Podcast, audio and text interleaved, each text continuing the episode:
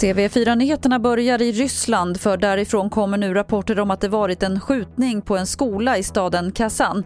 Det rapporteras om minst sju dödsoffer och flera skadade. Gärningsmannen ska ha gripits men något motiv till skjutningen är inte känt i nuläget.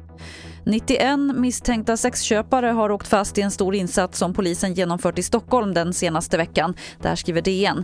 Man har slagit till mot lägenheter och hotell på ett 20-tal adresser och siffran 91 personer är enligt polisen en rekordsiffra över antal som åkt fast vid en sån här insats.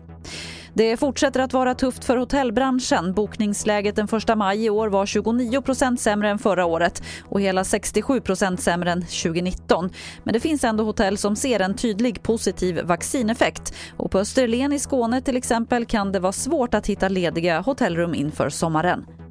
Jag har drivit detta i tio år och aldrig varit med om att vi i stort sett redan är fullbokade i sommar.